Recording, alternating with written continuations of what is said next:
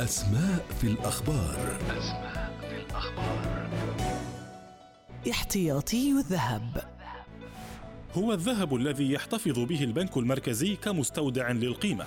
يعد ضمانا دوليا لتخليص الوعود لدفع المودعين وحاملي الأوراق المالية أو أقرانهم التجاريين أو لتأمين العملة. كان الهدف من احتياطي الذهب في الماضي تغطية العملة الورقية عن طريق معادلتها بمقياس أساسي من الذهب. بعد عدة أحداث تاريخية وحروب أصبح الذهب عبارة عن مخزون وطني كنوع من التأمين في أوقات الأزمات ولمنع قفزات وهبوط الدولار الأمريكي. كلما كان احتياطي الذهب كبيرا في بلد ما فإن ذلك يمثل ركيزة استقلال على المستوى الدولي. يمكن أن يستخدم الذهب في جميع الأوقات والأزمات كعملة للتداول أي للبيع والشراء. انخفض اعتماد العملات الورقية على الذهب من 60% في عام 1980 إلى 10% في عام 2006 في الوقت الذي ساد فيه الدولار الأمريكي السوق الدولية.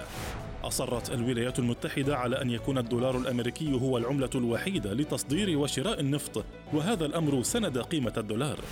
بهدف استقرار الذهب اتفقت البلاد التي تملك الاحتياطي الأكبر على عرض الذهب في السوق العالمي بقدر متفق عليه بينهم. أسماء في الأخبار. أسماء في الأخبار.